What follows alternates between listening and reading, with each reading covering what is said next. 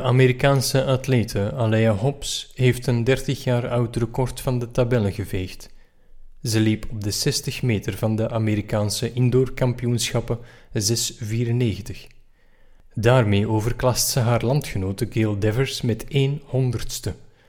Een peulschil, maar in sport wegen de grammetjes en de cijfertjes na de komma zwaar door. Het is maar het Amerikaans indoorrecord, niet het wereldrecord. Dat staat op naam van Irina Privalova. Zij liep in Madrid eveneens 30 jaar geleden 6,92, twee peulschildjes minder. Ook de Spanjaard Mohamed Katir heeft een recordbeet.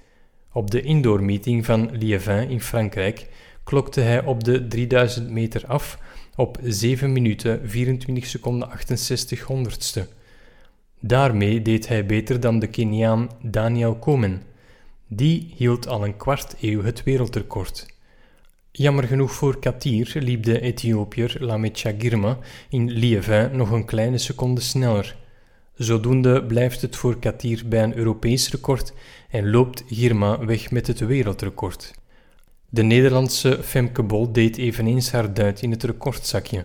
Zij scherpte tijdens het Nederlandse kampioenschap het wereldrecord op de 400 meter indoor aan.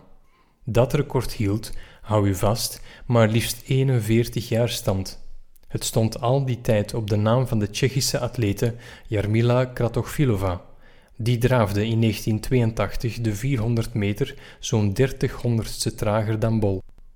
De naam Kratochvilova is echter niet helemaal uitgewist. Zij is nog steeds recordhoudster op de 800 meter outdoor. Dat staat al sinds 1983 op haar naam en daarmee heeft ze het langststaande wereldrecord. De 400 meter outdoor heeft ze ook even gehad, maar daarin werd ze overklast door de Oost-Duitse atlete Marita Koch. Koch en Kratochvilova zijn tot op heden de enige vrouwen die erin geslaagd zijn om op die 400 meter onder de grens van de 48 seconden te blijven.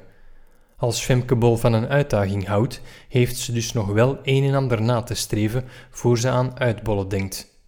Nu doen de jaren 80 en achternamen uit USSR-landen bij nogal wat mensen alarmbellen afgaan. Terecht. Oostbloklanden namen nogal een loopje met de dopingreglementen.